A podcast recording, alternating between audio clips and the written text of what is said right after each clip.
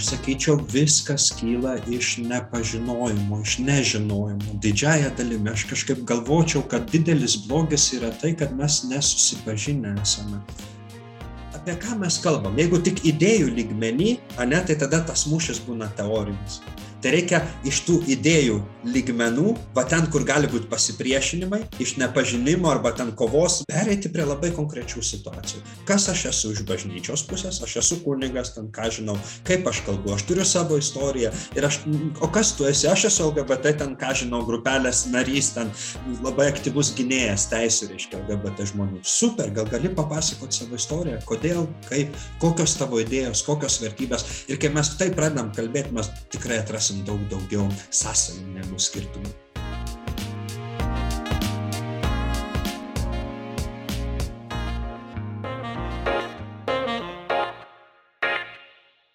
Aš manau, kad... Ką turėjau omeny? Ar jūs negalvojate? Aš manau, kad tokių dalykų iš vis Aš negali viso būti. nesuprantu, ką turėjau. Viską aš Nu tikrai ne. Ką turėjau omeny?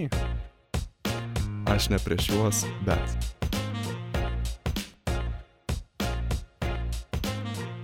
Sveiki visi Stat FM radio klausytojai, su jumis universiteto LGBT plus grupės laida Aš ne prieš juos bet.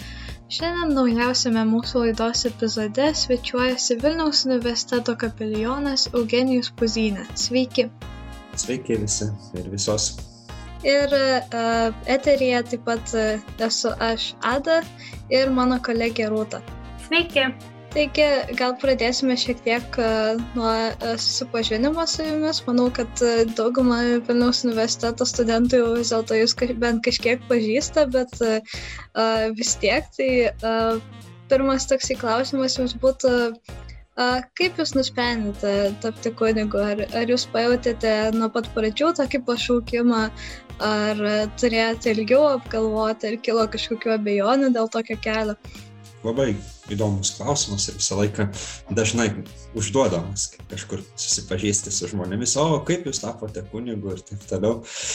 Nu, visa istorija, kaip kiekvienas iš mūsų, matyt, galėtų papasakoti, kaip pasirinko ten vieną ar kitą specialybę, kaip svarstė, kaip dvėjojo, ko, kokia buvo kelionė. Aš sakyčiau, kad viskas man prasidėjo labai anksti. Aš kokiu jau šešerių metų turėjau labai stiprų potraukį eiti į bažnyčią ir jisai man iki šiol protų net nepaaiškinamas. Ten, kur aš augau, aš esu klaipėdėtis ir kaip tik tais laikais, reiškia, pradėjo statyti naują bažnyčią mikrorajone, kur gyvenau ir man tiesiog neišpasakytas kažkoks noras buvo tenai eiti.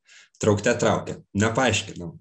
Taip po trupučiuką aš kažkaip ten bandžiau vis pabėgti iš kiemo, neleisdavo tėvai išeiti, tai aš vieną kartą nusprendžiau tokį didelį big žygį savo gyvenimo atlikti, pereiti per gatvę ir nueiti į bažnyčią.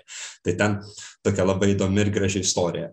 Ėjau per tokį lauką, o ten buvo visokių dobių prikasta, medžiams sodinti, nes toks naujas rajonas pakankamai. Ir kažkaip aš ten užsižaidžiau prie vienos iš tų dobių šmaukštį ir kai kritau į tą duobės pilną molio ir vandens, vos neprigėriau šešerių metų piplys ir taip per vidurį einant į bažnyčią bažnyčią, išlipęs pamačiau, kad ko gero jau man čia nelabai pavyks. Tai tada grįžau namo prie kampo, verkdamas, stovėjau, o dabar man jau duos velnių namuose pabars ir tai, kad kiemą palikau, iš kur neturėjau išeiti ir kad šiaip visas išsimurzinęs. Ir tada taip pasikalbėjom, ramiai ten su mama atrado mane, draugo brolis parvedė namo ir sako, kodėl tu ten neėjai? Skau, kad noriu, bažnyčią norėjau. Tai nuo to karto kažkaip labai gražiai e, paprašė mama pirmo aukšto kaimynės, kad mane nusivestų kartu, nes jinai vaikščiodavo į pamaldas. Tai su tam amžinatilsi kaiminė, Kleopa, kuri jau yra mirusi, aš pradėjau nuo šešerių metų kažkur vaikščioti bažnyčią ir man buvo ten, wow, stebuklingas kažkoks pasaulis ir aš ten vis po truputį, po truputį pradėjau patarnauti mišiom ir taip toliau ir panašiai. Paskui ką žinau, gal toks pirmas, antras, reiškia, ryškus įspūdis, aš jau buvau paauglys. Nes kai vaikas tu nelabai susimastai tokiam pasauliui, kažkokiam svajonių, galbūt gyveni, nesupranti asmeniškai. Ir aš atsimenu vieną pamokslą, kunigas sakė per mišes ir sakė, kad Dievas kalba. Visą laiką tą patį šneka, ten kunigai Dievas kalba, ta, ta, ta. Ir man kažkaip kaip augliui toks nesąmonė, aš niekada nesu girdėjęs, kad Dievas kalba. Apie ką čia jis turi minti? Ir aš atsimenu, turėjau tokios drąsos sukopio, atėjau pas kleboną ir paklausiau, ką jūs turėjot mintyje, kaip tas Dievas kalba? Ir jisai sako, tu nori išgirsti, kaip Dievas kalba? Of course, paaugliui duok challenge, ne? Labai noriu, sako, bet žiūrėk, sako, tu aš tau papasakosiu, kaip tu meldies, papasakok man. Jis sako, nu taip kaip ir išmokė per pirmą komuniją, tėvė mūsų sveika Marija, tu, tu, tu, tu, tu, tu, tu, tu. Bet sako, žiūrėk, jeigu dabar tu man visą laiką, visą laiką kalbėtum, kalbėtum, kalbėtum, kalbėtum, kalbėtum ir paskui paklaustum, ar klebonas moka kalbėti. Numatyt, kad nemoka, nes tu net neleidai jam įsiterpti. Sako, tai lygiai taip pat su Dievu. Mes daug šnekam, bet nesiklausom, dėl to ir negirdim. Man labai patiko ir sako, žiūrėk, duodu tau raktus bažnyčios, dabar po kiekvienų mišių, jeigu nori, pasilik pusę valandos, valandėlę tiesiog pabūti tylo ir klausytis. Ir kažkaip man tai buvo labai gili ir graži patirtis. Po truputį pradėjau klausyti, klausyti tos tylos ir supratau, kad kažkas tai tokio labai tikro vyksta širdyje, kažkoks jaučiasi ryšys. Ir tada aš labai buvau laimingas. Atsimenu, paskui perbėgau pas kleboną, sakau, jie, supratau, Dievas tikrai yra ir tikrai kalba. Tai man tie tokie fragmentai mažučiai kažkaip labai buvo stiprus pasirinkimo kelionėje, reiškia būti kunigu. Paskui, aišku, gyvenimas visiškai kitaip susiklostė. Aš kažkur apie 16 gyvenimo metus įstojau konservatoriją Klaipėdos Tasio Šimkaus ir prasidėjo gražusis menininko gyvenimas su visais boheminiais nuotykiais. Tai aš jau nuo bažnyčios tolau, tolau, tolau, tolau. Paskui atvykau čia studijuoti muzikos ir teatro akademiją Vilniuje, choro dirigavimo ir dainavimo ir kažkur pirmo kurso pabaigoje man vėl labai ryškiai iškilo tas klausimas. Ir aš kažkaip apsisprendžiau, kad vis tik tai matau prasme, kad mano gyvenimas jau nuo pat mažumės buvo kažkur va ten kviečiamas į tą pusę ir apsisprendžiau stoti pas jėzuitus. Tai va tokia va istorija pašaukimo. Ar buvo visokių dviejonių? Tikrai garantuotai. Dieve, visada bet kažkaip. Labai graži istorija. Ja, tai mano su dviejonėm, kaip kiekvienam pasirinkime ir mum, ar į teisingą vietą įstojom. Tai toks bendras. O jūs šiuo metu esate Vilniaus universiteto kapelionas.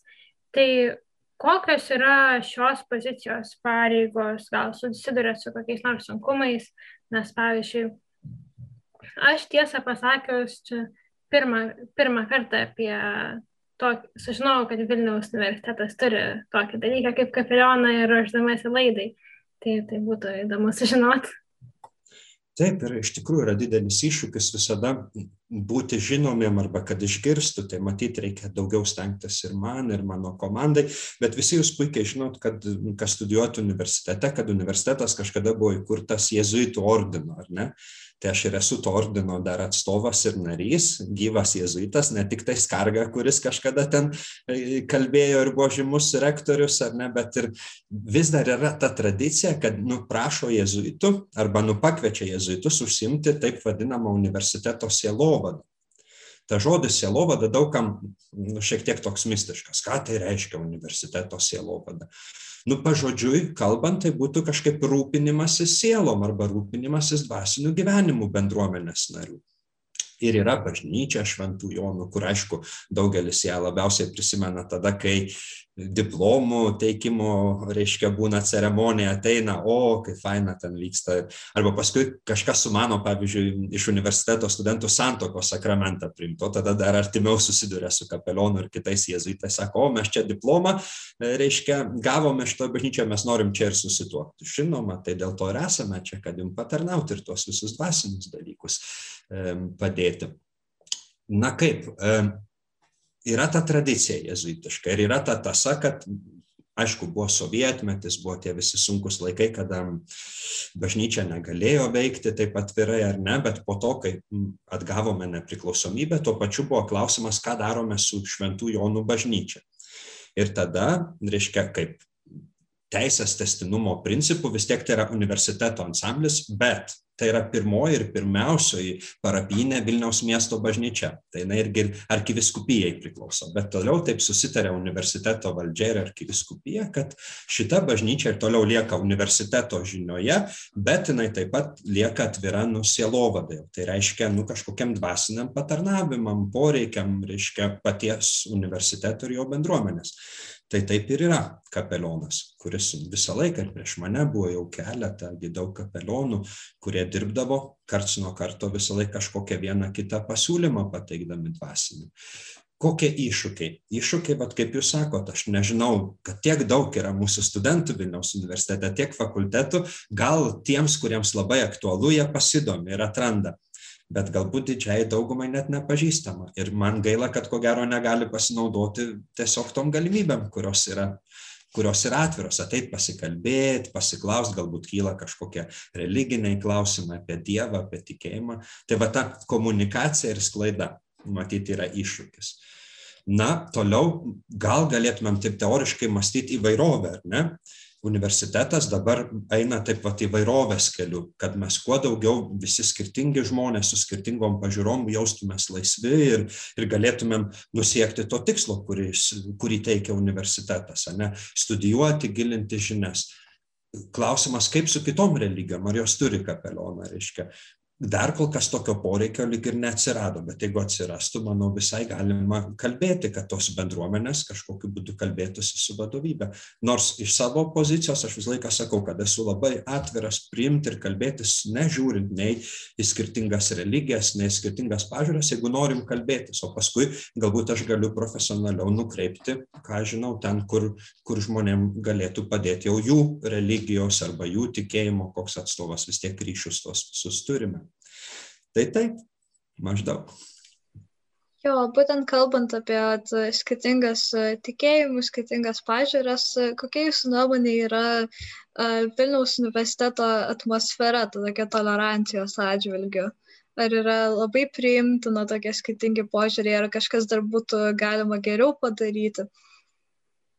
Visą laiką galvoju, kad nuolatos galima geriau padaryti. Ir, ir tas geriau visada yra kažkas, kas prieš mus ir negali būti padaromas be pokalbio, be kalbėjimosi, be kažkokio išgirdimo, įsiklausimo į vieni kitų poreikį. Man atrodo, kad mūsų universitetas yra pakankamai atviras ir jis eina labai drąsiai tuo atvirumo keliu. Aš pats kaip kapelionas priklausau bendruomenės vystimo skyriui ir ten visos ar ne lygių galimybių, reiškia, programa dabar nauja, reiškia, ruošiama ir jau priimta, patvirtinta.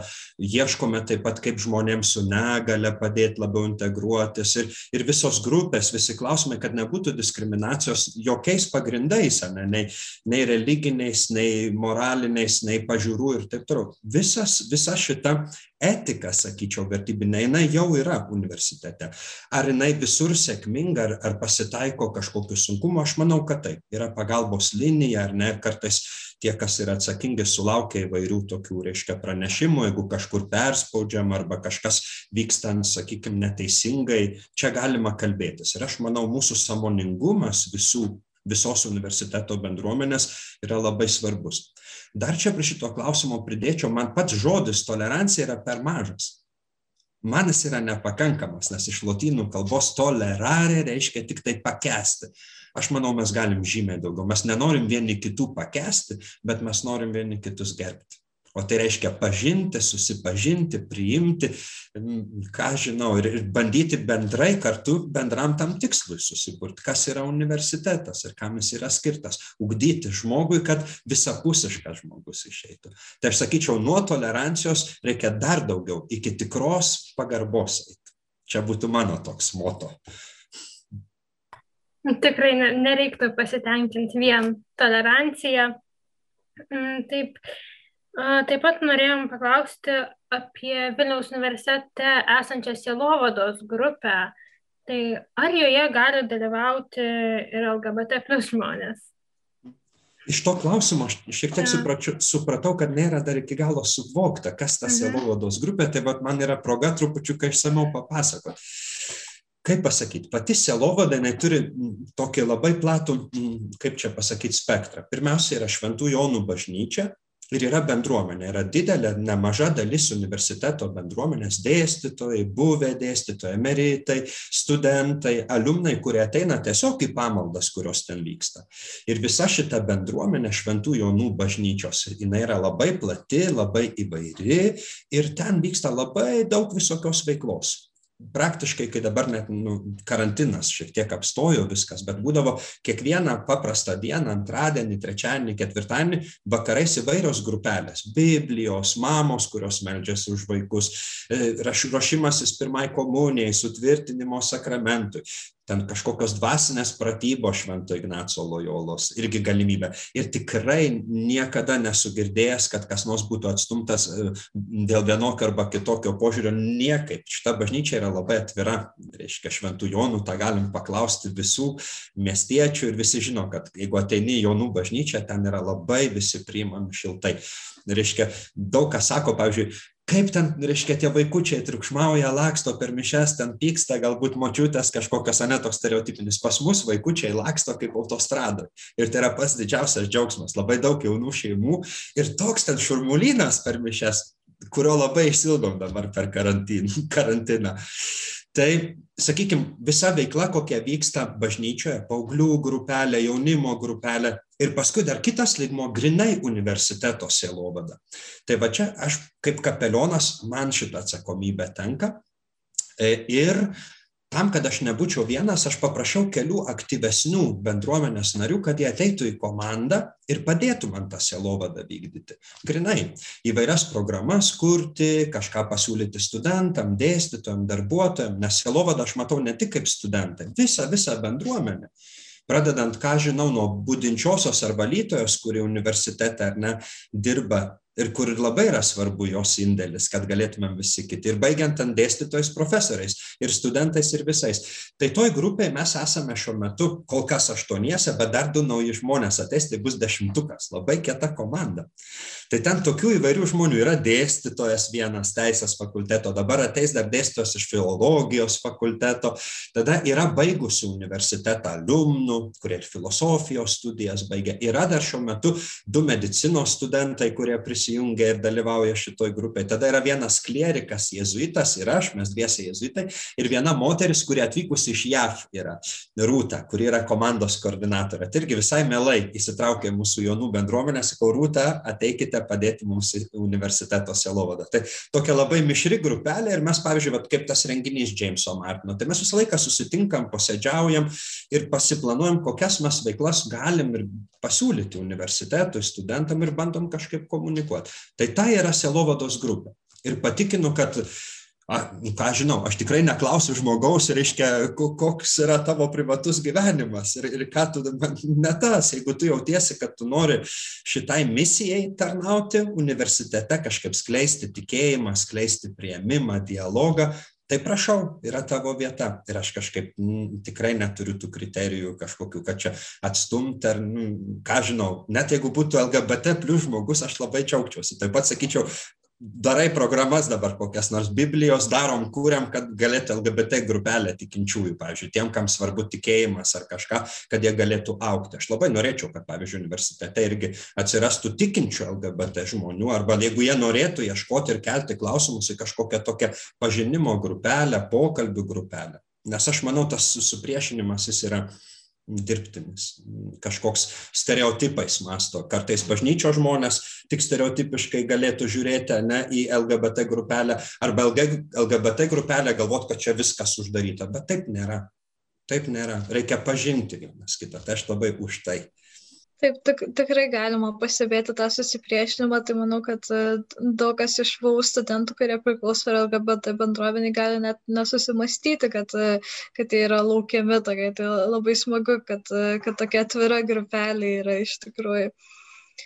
Tai mes norėtume tada išeiti dabar į muzikinę pertrauką ir po jos tada dar daugiau pasikalbėsime apie būtent tą bažnyčios santykį su LGBT bendruomenė. Uh, Taigi čia universiteto LGBT plus grupės laida Aš ne prieš juos, bet jūs klausote Stat FM radijo ir trumpam išeiname į muzikinę pauzę, po, po kurios grįšime atgal į eterį.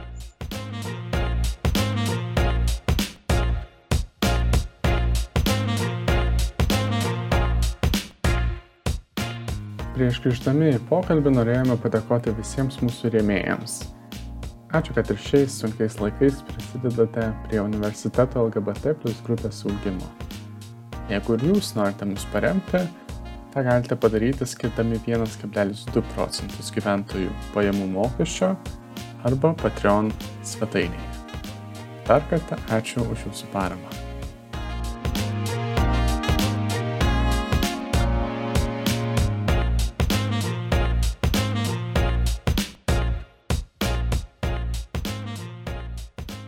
Taigi, jūs klausotės laidos Aš ne prieš juos, bet ir dabar mes tęsime pokalbį su Vilniaus universiteto kapelionu Eugeniju Puzinę.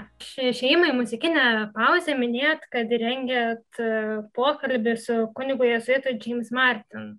Negirdėjusiems apie renginį, tai balandžio 9 dieną VU kapeliono Facebook'o paskyroje vyko gyva pokalbio su jėzuitų kunigu James Martin transliacija, kurios metu jis pasakoja apie savo patirtį įgytą tarnystėje su LGBT plus žmonėmis, taip pat apie bažnyčios ir LGBT plus asmenų santyki ir to santykio gerdimą, tiltų tiesimą tarp bažnyčios institucijos ir LGBT plus bendruomenės.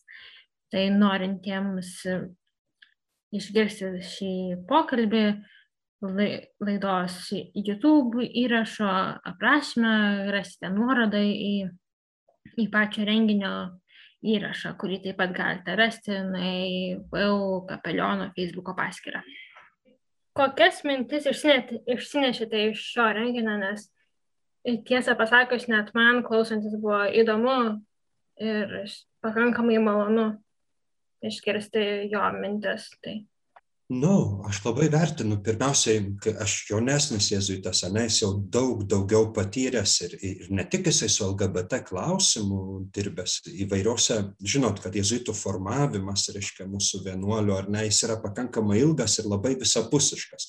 Įvairiuose misijose pabūnam, įvairiuose šalise, tai visada tą labai vertinu. Čia negeriant, kaip sakant, mūsų ordino, bet tiesiog didelė dovana. Aš lygiai taip pat studijavęs skirtingose šalise ir tu daug daugiau pamatai dalykų ir esi daug atviresnis pamatyti įvairius aspektus tikrovės.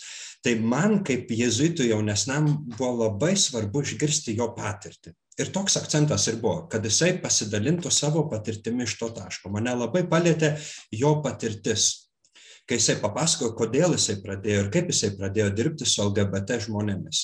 Po to įvykio, ar ne, kai buvo iššaudyta tam naktiniam klube žmonės, reiškia LGBT žmonės, ir jį sukretė ta tyla ir kad niekas nenori kalbėti apie tai, kad, reiškia, paminėjo, nors buvo vienas iš didžiausių susišaudimų. Tada jisai suvokė, kad ta tyla nėra gera kad reikia pradėti kažką kalbėti, garsinti ir pradėti susitikti su žmonėmis ir nu tikrai jis apie dvidešim metų jau dirba ir ten niujorke puikiausią parapiją turi kur reiškia lgbt žmonės tiesiog aš nežinau visais savo talentais dalinas o dažniausiai reiškia lgbt žmonės kiek aš pats palydžiu gi žmones lygiai kaip kunigas ir išpažintyje ir pokalbiuose yra labai gabūs labai be galo jautrūs su daug skaudžių galbūt patirčių ir taip toliau. Mes žinom kad tai nėra lengva tas visas tapatumo klausimas ir visa kita bet man atrodo kad čia yra kažkas labai gražaus. Žmonės žmonės su šitais klausimais turi labai gilių patirčių ir tapatybės ieškojimo, ir prieimimo, ir atmetimo, ir taip toliau, bet tada jie ieško giliam labai lygmenį. Ir, ir turi dovanų daug visokiausių, ką mes ten pasižiūrėkim vieną istoriją, ne meno ir pasižiūrėkim, jeigu reikėtų ten padaryti kažkokią, aš manau, yra padarę, kas yra LGBT žmonės, kas galėtų būti, ne? labai daug menininkų ir labai daug kūrybingų žmonių. Tai kažkaip... Yra knygos netgi išleistos, ja, kur, kur išvardinama taip. Taip, taip, aš visą laiką prisimenu muzikos literatūrą studijuodamas ir taip toliau, ir kitais meno dalykais domėdamasis. Tai, kaip pasakyti, džiugu, kad pas tėvą Jamesą Martiną nu, veikia ta gražiai sistema, kaip jisai dirba. Ir norėjusi išgirsti, ką jisai, nu ką nori mums papasakoti. Galbūt, aišku, formatas trupučiuką per mažas, negali visų klausimų paliesti ir tokios net kritikos buvo, bet esminė žinutė, kuris pasakė, kurią jis pasakė, aš manau, buvo suvokiama, kad reikia nebijoti ir pirmiausia girdėti, išeiti, klausytis ir susitikti iš tikrųjų. Ir pamatyti, kas yra gražaus, kas yra pozityvaus ir tai padrasinti. Man labai jautru buvo kai kurie tokie momentai, pavyzdžiui, jo patarimas visą laiką mm, kaip čia pasakyti, asmeniškai sutikti, ne vien kažkokiam idėjom vadovautis ar kažką, kad čia vien tik tai idėjos, idėjos, čia ką žinau, ten tokia idėja viena mintis, ten tokia idėja kita ir mes tik pagal idėją susidarom, bet nesusitinkam gyvi žmonės. Geriausia selovada, kai tu akis į akį susitinki, kai tu pamatai, kad prieš tave yra pasaulis visas, su visom patirtim ir kada tu daliniesi ir priemi kito, kaip sakant, ką jisai dalinasi gyvenimą, tada tu gali pradėti kažkokius statyti tiltus. Tai tas man patiko. Labai buvo labai gražu taip pat, kada jisai, pavyzdžiui, atsakė į klausimą, ne kaip tėvai turi elgtis, ar ne? Kaip mama, pavyzdžiui, turi elgtis. Jis taip gražiai tą atsakė. Ko mums trūksta? Ne kažką nuteis, išgirsk, priimk, klausykis, negalvo, kad tu esi kalta ar kad kažkas kaltas. O tokie mažučiai, paprastučiai patarimai, bet jie man pasirodė tokie pilni žmogiškumo ir, ir labai tokio praktiškumo. Taip, nepanikuokit, viskas ok, priimkit pirmiausiai, mylėkit. Arba pavyzdžiui, taip kaip jisai kalbėjo apie Kristų, paėmė tas tris vietas iš Evangelijos, nu, ir parodė, kad Dievui, ne Kristui, jam nebuvo, kaip pasakyti, ribų kažkokių, jis nenubrėždavo kažkokią liniją, už kurios jis neitų sutikti žmogaus.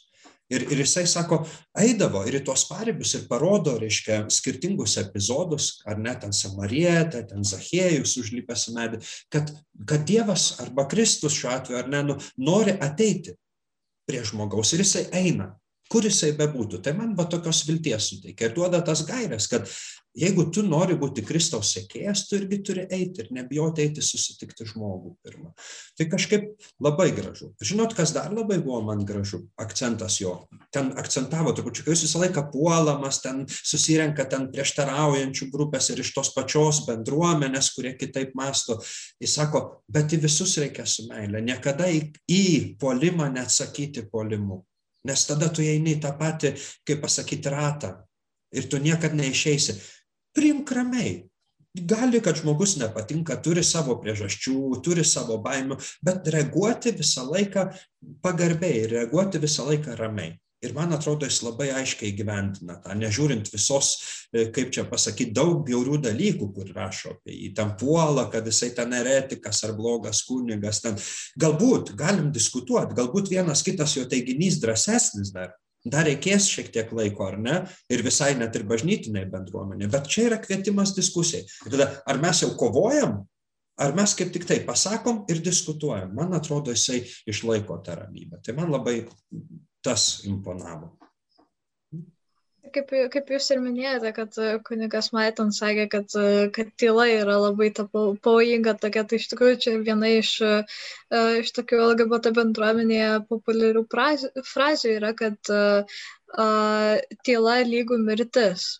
Mm. Tai, tai iš tikrųjų man labai, labai patinka šitas požiūris. Tai dar norėčiau paklausti, kad uh, jūs ir pats neseniai dalyvavote rubrikoje Klausk Jėzuito, kuriame buvo kalbama būtent apie LGBT plus ir bažnyčią.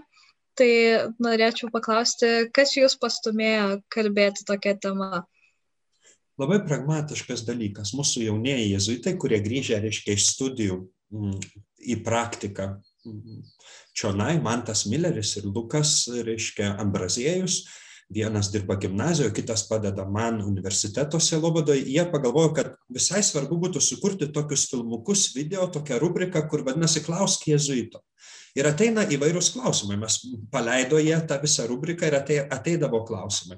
Ir tiesiog atėjo toks klausimas, koks yra santykis LGBT ir bažnyčios ir taip toliau. Ir tada, nu, tie mano kolegos jaunesnė atėjo pakalbinti mane, sako, tu dirbi universitete, kaip tik tai su jaunimu ir taip toliau, ir norėtum pakalbėti šią temą. Nu, sakau, gerai, kažkiek, kiek aš esu, aš esu pasidomėjęs, paskaitęs ar savo studijų metu ir taip toliau galiu kalbėti galiu kalbėti, nors aiškiai suvokiau, kad tema yra, nu kaip pasakyti, nepatogi. Ir, ir nebus labai paprasta tą viską atskleisti, nes labai gali skirtingai kiekvienas suprasti.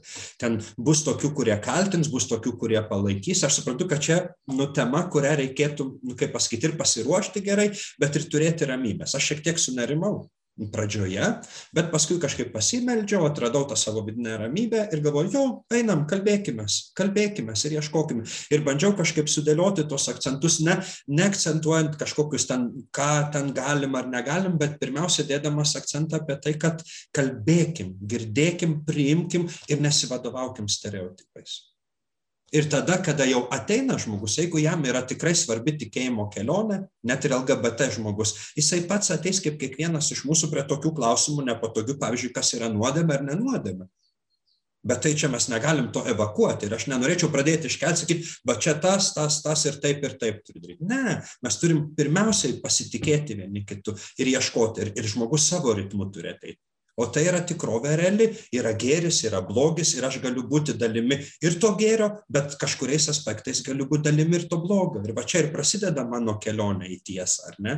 Bet aš manau, kad tas prasideda vidiniam forumui pirmiausiai. Ir iki jo ateiti reikia labai daug nuoširdumo ir atvirumo ir pasitikėjimo, o tai reiškia bendravimo. Tai toks pagrindinis mano akcentas ir buvo. O man tik tai įdomu, kokių reakcijų sulaukite po, po šitos rubrikos? Ar buvo labai neigiamų kažkokių, ar, ar kaip tik labai, labai visi teigiamai sureagavo? Kaip visada, labai mišr, mišrios reakcijos. Aš mm. manau, jūs labai puikiai tą žinot, susidurėt net kasdien, kai kalbatės. Vieni labai džiaugiasi laisvę, atvirumu, kada kažkaip atveri temą ir sako, bravo, ačiū, kad keliate klausimą, ačiū, kad turite drąsos kalbėti, kad pateikėt kitą požiūrį. Daug pozityvų sulaukiau padrasinimų, bet taip pat sulaukiau ir nu, negatyvių, kur sako, jūs čia iškraipote bažnyčios mokslą, arba čia reiškia kažkaip ne taip, reiškia reikia akcentuoti tą, reikia kalbėti tą nu, kažkokia tokios baimės arba tokia kritika arba nu, abejojimas, suabejojimas, ar čia aš teisingai kalbu ar ne. Nu, įvairių, įvairių, labai toks platus spektras. Bet ir, ir tų negatyvių, ir pozityvių. Aš nenoriu sureikšminti tik negatyvių. Mums taip yra, kad skaudžiau, ne, kai kerta mus negatyviai, du, trys kokie pakritikuoja ir atrodo, kad jau labai blogai, bet nepamatai, kad dešimt parašė, kad like ir labai, ar daugiau, dvidešimt. Tai aš kažkaip sakyčiau įvairių reakcijų. Bet, nu, nebijau, aš taip kaip kalbu tenai, taip ir kalbu visada. Ir, ir man atrodo, čia klausimas yra akcentai, kaip norime girdėti. Jeigu noriu negatyviai girdėti, ir girdėsiu kažką. Ieškosiu ten, ką netai pasakiau. Jeigu noriu išgirsti žinutę, kad nu, kažkaip keiskim kampą žiūros ir, ir žiūrėkim, pradėkim dialogą iš kitos perspektyvos, ką aš ir norėjau, kaip, kaip sakant, pradėti nekalbėti taip, kaip yra įprasta, bet trupučiuką atsitraukti ir pažiūrėti iš kitų mm, žiūros taškų į šitą klausimą, kuris yra skaudus, kuris yra dar neišdiskutuotas, kuris dar visą laiką turi labai daug emocijų savyje, bet jūs tą puikiai žinote, ne, ir visuomeniai tas pats vyksta. Mm, tikrai, mm, ypač yra tas dalykas, kad, kaip sakėt, kai pamatai neigiamą komentarą, žymiai labiau skauda nei žiūri, daug dažniau lieka mintise nei teigiami. Um, Tai aš, aš pratęsiu tada, nes man dar, dar vienas klausimas kilo, tai uh, kalbėti apie tą uh, irgi tokį susipriešinimą dažną tarp, tarp LGBT plus ir bažnyčios, kurį dalis, uh, dalis žmonių mato. Uh, tai uh, Kas dažniausiai užkliūva siejant šias temas, būtent ką žmonės labai mato tokio kaip priešingą tarp, tarp šitų bendruomenių? Aš sakyčiau, viskas kyla iš nepažinojimo, iš nežinojimo. Didžiaja dalimi aš kažkaip galvočiau, kad didelis blogis yra tai, kad mes nesusipažinę esame. Uh, Dažnai, nu, bet žiūrėkit, mūsų bendravime, nereikia net kol kas net liesti LGBT ir bažnyčios, žiūrėkit, du žmonės tiesiog, grinai asmeniškam lygmenyje, ne, ateina ir jie nepažįsta vienas kito, girdėjo kažką, kažkokiam nuogirdom vadovaujasi ir tada jie gali, reiškia, kažkokius klyjuoti tas nuogirdas ant kito žmogaus ir tiesiog va taip va ir laikyti distanciją, bet jeigu tos nukrenta sienos ir pradeda vienas kitą pažinti, suvokti, kas tai yra, kas per žmogus, kas jisai toks. Ir pamatyti, kad yra daug visko, yra įvairūs aspektai, yra ir pozityvus, ir negatyvus, bet nesvarbu, nu, tai mes visi tokie esam. Turim dovanas, turim iššūkius, turim kažkokias gražiasias charakterio savybės, turim kažkokias, galbūt dėl kurių patys gėdinamės, ar, ar nu, neipatingai gražias, bet tai yra visa ta visuma. Tai aš sakyčiau, kaip pasakyti, mums trūksta pažinimo. Kas yra ta LGBT bendruomenė iš tikrųjų ir kas yra bažnyčia? Mes dažnai įsivaizduojam, pavyzdžiui, kas liečia bažnyčią, kad tai yra tik tai hierarchija, kunigai, viskupai ir va čia jau viskas, va čia bažnyčia. Aš sakau, nu, netiesa, bažnyčia esam visi. Ir toj bažnyčioje yra visko, visko, visko. Ta prasme, daug nuomonių, daug žmonių skirtingų. Ir bažnyčia tai nėra kunigai, bažnyčia yra ir pasauliečiai, visi pakrikštyti teoriškai, ar ne? Yra bažnyčios dalis, ta prasme. Ir mes esame labai su skirtingom istorijom ten. Ir labai normalu, kad joje egzistuoja nu skirtingos nuomonės. Paskui, aišku, yra gairės kažkokios, kuriomis mes vadovaujamės, kaip ir kiekvienoje bendruomenėje, ne kažkokios vertybės, kažkokie tie tokie atramos taškai. Mums, krikščionims, katalikams, jeigu jau taip išskirta, ne, nes daugybė yra bažnyčių, ne krikščioniškų, yra protestantai, yra ortodoksai, yra katalikai ir taip toliau. Čia dar diversitė, ne? Ir čia kokia specifika, kaip kiekviena bendruomenė dar savitai kūrė savo santykių. Tai sakykime, aš galiu kalbėti kaip katalikų bažnyčios kunigas, ar ne? Nu, katalikų bažnyčia. Mes turime ką? Mūsų pamatas yra šventasis raštas, yra tas Dievo žodis, kuriuo mes remiamės, interpretuojam, reiškia, bandom pritaikyti irgi suvokti, kas yra tie esminiai dalykai. Bet taip pat yra ir tas vadinamas bažnyčios mokymas. Ir kad tai yra labai sena institucija, kuri jau 2000 metų gyvena, suprantat, kuri turi savo istoriją, kuri turi savo vystimąsi, kaip ir žmogus, kaip ir asmenybė, ar ne? Nuo, nuo kūdikystės, nuo pačios pradžios, paskui kaip visi, kaip čia kauleliai formuojas, formuojas. Ir, ir kada mes ateinam kalbėtis su ta bendruomenė, mes neteinam kalbėtis tik su akimi, arba tik su ausimi, arba tik su nosim, ateinam kalbėtis su visa visuma. Tai kas ta bažnyčia, ją reikia suprasti kodėl jinai vadovaujasi tuo, kodėl formavosi vienas ar kitas mokymas teologinis, interpretacija. Taip nėra, kad ateičiau, pavyzdžiui, aš dabar kunigas, net 21 amžiaus, imu ir išraunu visą ir pasakau, ne, reikia va taip interpretuoti. Ką mes sakom bažnyčioje, nu, hmm, neišeina, nes prieš tave yra maždaug 2000 metų, kaip yra interpretuojama, tai ieškom, kaip čia ką argumentuojam. Dabar LGBT bendruomenė, kas tai yra? Ar tai yra tik tai bendruomenė, kur mes ateinam į kažkokią va tokią kaip grupę, aš priklausau LGBT bendruomeniai, mes turim savo idėjas ir taip toliau. Aš matyčiau daug daugiau. Aš ne, nenorėčiau vien tik tai per tą politinę prizmę matyti, kad tai yra socialinė grupė, kuri gina savo teises. Aš manau, gali būti daug plačiau. Žmonės, pavyzdžiui, turintys homoseksualumo klausimą ar translitiškumą ar kažką, nebūtinai jie bus e, teoriškai, formaliai LGBT bendruomenės nariai, bet jie nu, palaikys. Nu, aš nežinau, nu, yra daug tokių dalykų, kur aš pats dar net nežinau ir norėčiau sužinoti.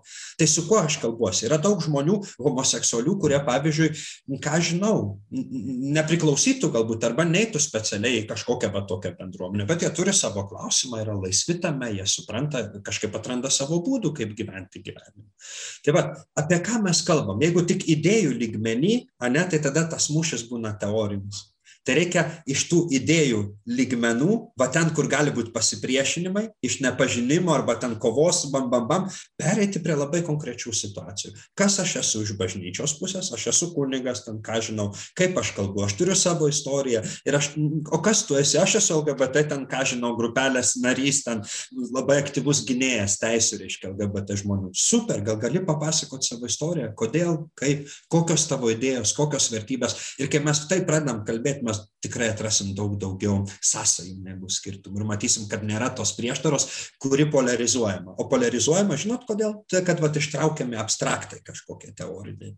Ir man atrodo, va šitam lygmenį mes turim kovą, nes nepažįstam. Kodėl ta prieštara? Aš sakyčiau, nepažinojimas, negirdėjimas, nenoras girdėti, kartais siauras mąstymas ir matymas tai ne tiktai bažnyčios. Kartais jie sako o bažnyčia viduramžiai čia nemoderni. Hm, aš nesutinku su tokiu dalyku. Bažnyčia esam mes dvidešimt pirmo amžiaus žmonės. Aš tai ne viduramžiais studijavau baigiau universitetus visa kita šiais laikais ir skaitęs filosofiją ir visa kita ir šių laikų mintį. Tai nesutinku bet aš suprantu kad už manęs yra didžiulė tradicija kuri yra vertinga ir turi kažką gražaus ką paduoti jeigu norėčiau. Lygiai taip pat ane ką žinau lgbt žmogus reiškia arba žmonės jie turi savo istoriją istoriją, kaip formavosi ir taip toliau turi savo idėjas. Kaip jūs atėjote tenai? Ar gali būti siaurumo požiūrio ir iš LGBT bendruomenės? Aišku, kad gali. Lygiai taip pat ir LGBT bendruomenė, kaip ir bet kokioje bendruomenėje, kad aš noriu matyti tik tai savo ir nenoriu girdėti nu, kažkaip kitų ir diskutuoti ir kalbėtis. Nu, kažkaip aš apie tai labiau tikiu. Taip, iš tikrųjų, man atrodo, kad e, dažnai uh, iš tų, kurie yra nusistatę prieš LGBT bendruomenę, tai dažnai vadinama LGBT plus ideologija, kad uh, ir man atrodo, kad tas labai nužmogina tą mus, nes, nes mes vis tiek esame kaip, kaip asmenys. Tai ir ta, pažiūrėjau, akcija, kai nudažyta buvo panoramos perėję. Tai tenais irgi buvo ta idėja tokia, kad parodyti, jog mes esame tiesiog paprasti žmonės, ant tavo mokytas, tavo odontologas ir taip toliau. Tai... Aš net daugiau pasakyčiau, man kaip krikščionio, netikinčiam, kad yra Dievas ir kuris sukūrė žmogų, tai visi yra žmonės, dėl to, kad Dievas juos sukūrė. Ir aš visą laiką sakau, kad pirmiausia yra Dievo vaikai, visi, visi, visi, visi, visi nežiūrint visos tos istorijos ir taip toliau. Tai čia man yra giliausia ir tikriausia tikrovė, kad aš noriu žiūrėti žmogų, bet man reikia mokintis, ne, žiūrėti žmogų ir nematyti tik tai išorė, iš, išoriškai, bet pamatyti, kad jis yra vertybė, kad jis yra tas laisvas žmogus, kad jis yra tas Dievo vaikas, jeigu aš taip krikščioniškai kalbėčiau, ne? tai aš to mokinuosi. Bet lygiai ta pati galbūt nusistatymo kažkokia, vad, ausma mūsų, ne, var, reiškia, Sakalauskaitė, kur irgi išėjo su visų to klausimu, jinai savo pasidalinime sako, kad jinai kartais būdama katalikė arba sakydama, kad esu LGBT ir dalyvauju to veikloje ir esu katalikė, kad ir iš pačios bendruomenės LGBT trupučiuką tai kaip tau čia taip išeina, tai kaip tu gali tokio šiokio tokio nusistatymo. Ar net aš sakau, kad čia matyti nusistatymai yra kietumas širdies, kuris visiems gali būti būdingas. Tiek bažnyčio žmogui, tiek LGBT, tiek net iš vis kitokios. Net visi nepriklausomai bažnyčiai, ne LGBT, bet jisai gali turėti savo nuomonę ir, ir jinai gali būti uždara, o gali būti atvira širdis susitikti. Aš manau, čia yra klausimas giliausias. Tikrai turbūt sunkiausias dalykas būtų išdrysti, žengti tą pirmą žingsnį kito žmogaus supratimą. Ir kaip tik atėjo laikas mums pereiti į muzikinę pertrauką antrą kartą, taigi jūs klausotės StartFM universiteto LGBT plus grupės laidos Aš ne prieš juos, bet ir mes netrukus grįšime pratesti pokalbį.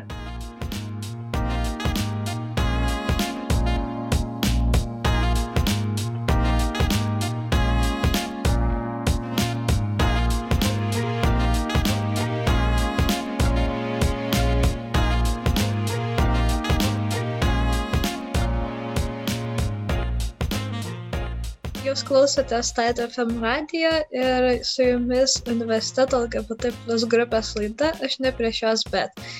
Grįžtame į paskutinę laidos dalį, kurioje šiek tiek dar pasikalbėsime apie bažnyčią ir LGBT. Uh, taigi, neseniai čia labai uh, visus socialinius tinklus uh, uh, užplūdo kaip, kaip straipsnį tokie apie tai, kokia buvo popiežiaus nuomonė apie LGBT plus klausimą ir ten buvo labai daug irgi prieštaringų reakcijų ir prieštaringų interpretacijų, tai būtent kokia jūsų nuomonė šitų klausimų? Nu vėl reiškia sunku ten išpaisyt nes pats va vatikanas ane nu ką jisai pasako ar duoda kokią oficialią žinutę tą reikia labiau sekti o ne tai ką paskui dienraščiai reiškia arba kaip pasakyt išima trupučiuką iš konteksto ir tokį reiškia abstrakcijas paleidžia. Va čia aš sakyčiau ko ko mums duot ką mums gali duoti universitetas tai gebėti kritiškai mąstyti ir kritiškai skaityt kritiškai ne ta prasme kad kritikuot bet mokėti atsirinkti informaciją ir ją patikrint. Eiti iki tikrų šaltinių visada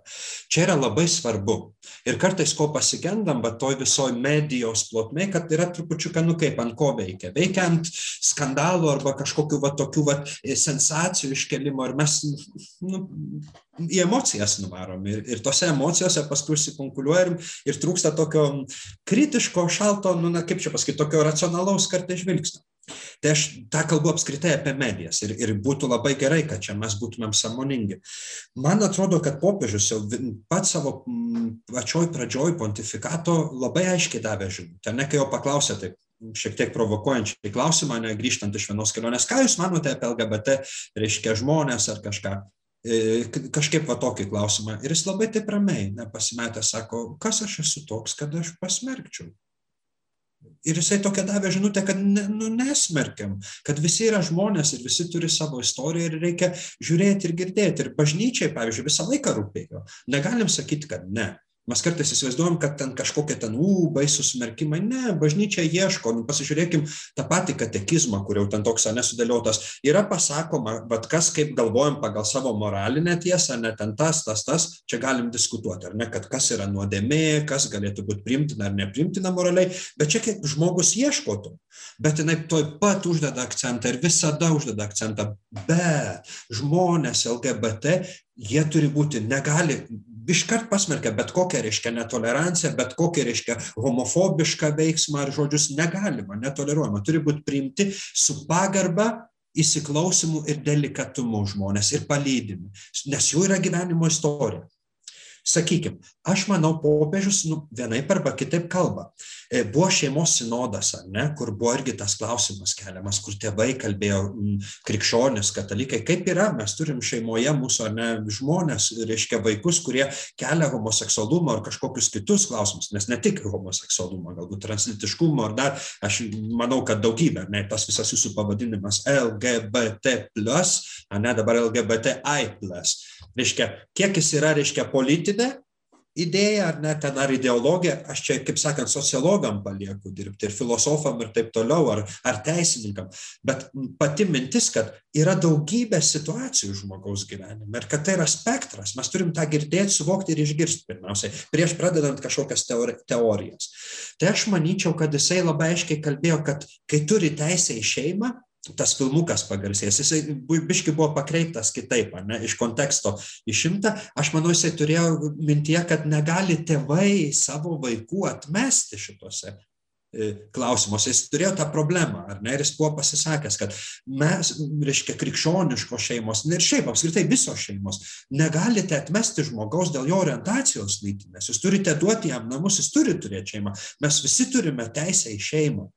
Ir paskui, aišku, ta žinutė trupučiuką buvo taip pateikta, kad, reiškia, turim teisę į šeimą tipo į santoką arba kažkas tokio. Bažnyčia šitoje vietoje, jinai dar keliauja. Ar ne? Ir klausimas yra delikatus. Jis pripažįsta kaip santoką, sakramentą, kaip sakramentą tik tai santoką tarp vyro ir moters, remdamasi Bibliją, ar ne? Dabar, ar civiliškai žmonės, kurie gyvena, reiškia, tos pačios lyties ar kažkaip dar, ar jie turi apsaugą? Popiežius šito vietoje pasakė taip, valstybės turi teisinę prasme ir civilinę prasme pasirūpinti šitomis sąjungomis. Galbūt nebus klausimo, kad tai bus suvokiama katalikų bažnyčioje sakramento lygmenį, nes yra tie visi teologiniai momentėliai - papildomumas lyčių, e, atvirumas gyvybė ir taip toliau, bet čia vad galim kalbėti ir diskutuoti, ne, šitoje vietoje. Galime bandyti suvokti, kodėl bažnyčia taip sako, kaip aš jaučiuosi apie tai, kaip mano santykiai, ką aš jaučiu, kas galėtų būti svarbu ir ką turi būti atsižvelgta. Tačiau grinai jau toks labai techninis debatas. Bet man atrodo, kad popiežiaus žinutė žinutę aiškiai smerkti negalima ir ne, jokiais būdais turime priimti, turime mylėti, gerbti, palydėti.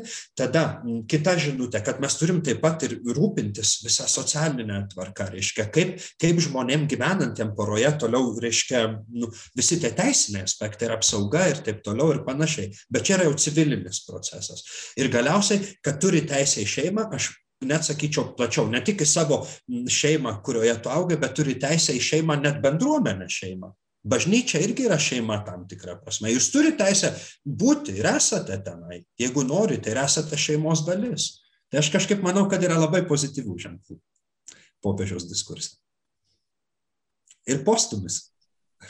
Tikrai, tai, taigi kaip anksčiau mes šnekėjom, kad tie visi neigiami komentarai labai stipriai iššoka, net jie yra ir pozityvių, tai kaip žmogui, ypač kai yra jau įsisavinti ta, tas požiūris, kad va, manęs e, bažnyčia nepriims, kad mano seksualinė orientacija yra nuodėmė, kas nebūtinai tiesa, bet kaip tokiu atveju žmogui suderinti savo tikėjimą su buvimu LGBT, plus kaip išdrysti žengti tą kaip žingsnį į, bažny, į bažnyčios bendruomenę, į dalyvavimą tame. Labai jautrus klausimas. Patikėkit, aš pažįstu daug žmonių irgi, ne, kurie turi tų klausimų, reiškia savo lytinio tapatumo, orientacijos ir taip toliau. Čia yra labai tokia kelionė, kur yra nėra, jūs patys ir pačios geriau žinote, ne, nu, ta prasme, kad tai yra visa kelionė ieškojimo, kas yra mano vertybės, į, į tokį laisvę įimas, kaip aš suvokiu laisvę, ar tik tai kaip nusimetimą kažkokiu ten pančiu ir, reiškia, ir einu ten demonstruodamas, kad aš turiu, nu, tas yra toks militaristinis, biškai, arba toks kovojantis, bet čia dar, nu, tas, paskui tu nurimsti trupučiu, kad tu sakai, kad ne, nu viskas gali būti derinama ir ieškoma, net ir tos priešybės, kurios gali atrodyti kaip priešybės, aš turiu eiti kelionę. Aš sakyčiau, kad um, būkim atviri.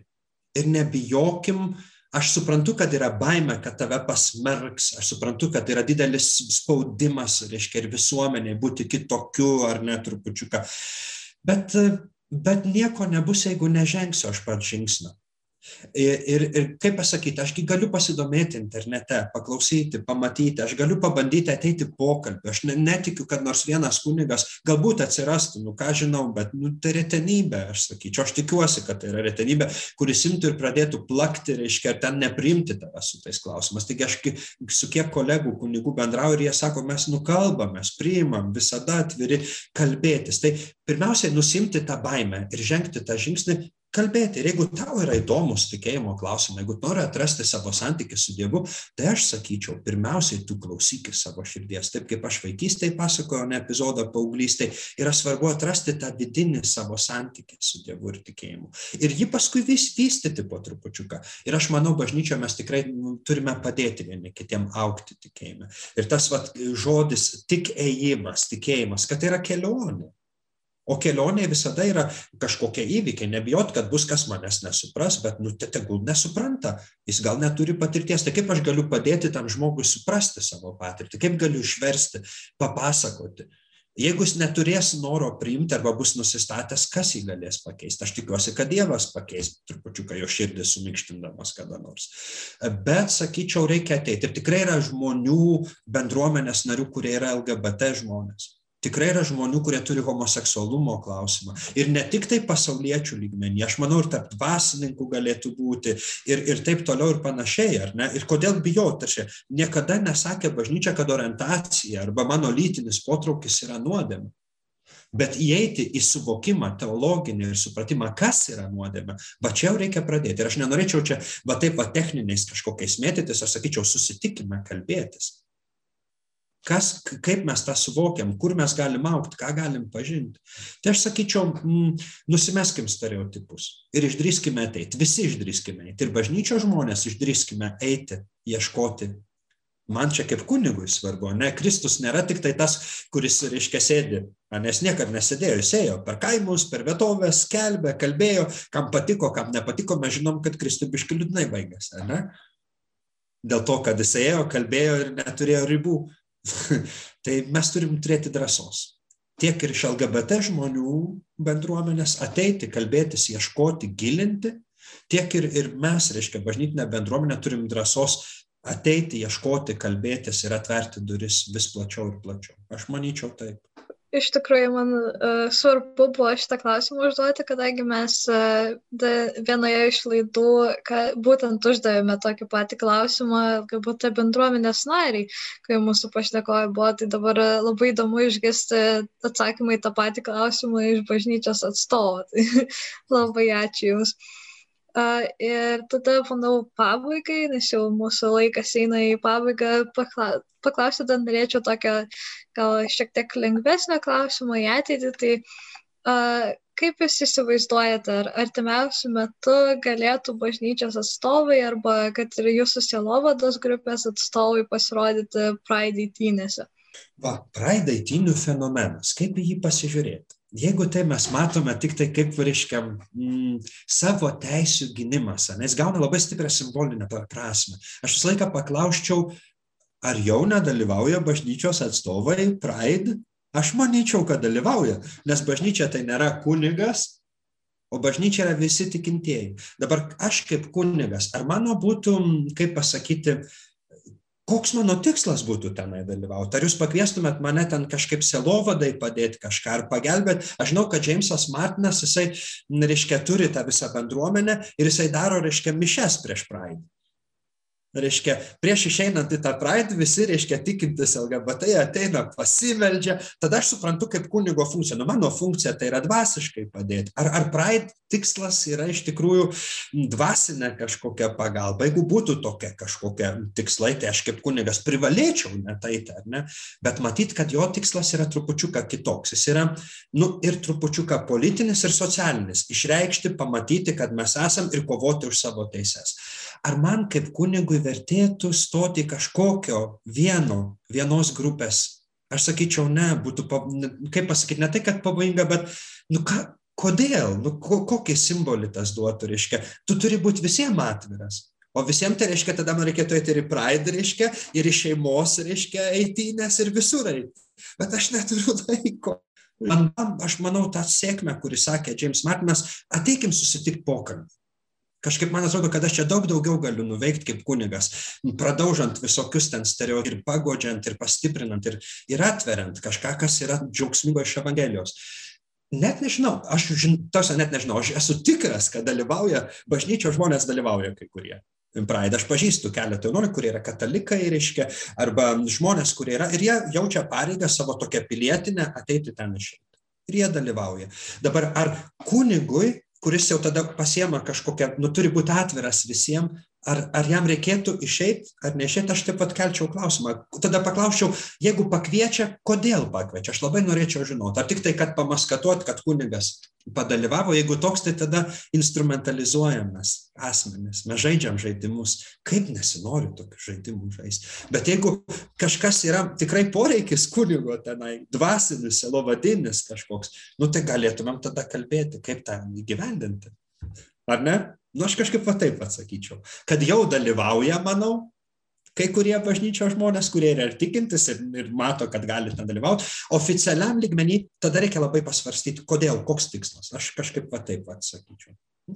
Tai labai tikiuosi, kad dar ir bus daugiau progų būtent e, su jumis bendradarbiauti ir tokių vat, e, inkluzyvių e, renginių surenkti ir pokalbių ir taip toliau. Tai labai ačiū, kad, kad sutikote su mumis pasikalbėti ir kad dalyvavote čia.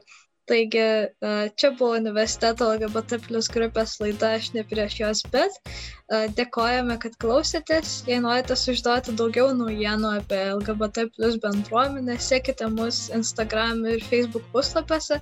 Taip pat, jei norite sulaukti daugiau naujų projektų, galite mus paremti Patreon platformoje bei iki gegužės pirmos dienos, dar liko šiek tiek laiko, galite skirti mums 1,2 procento gyventojų pajamų mokesčių mokesčio. O dabar atsisveikiname iki kito karto. Su Dievu, labai malonu pasikalbėti. Viso gero, labai ačiū Jums. Ačiū. Iki.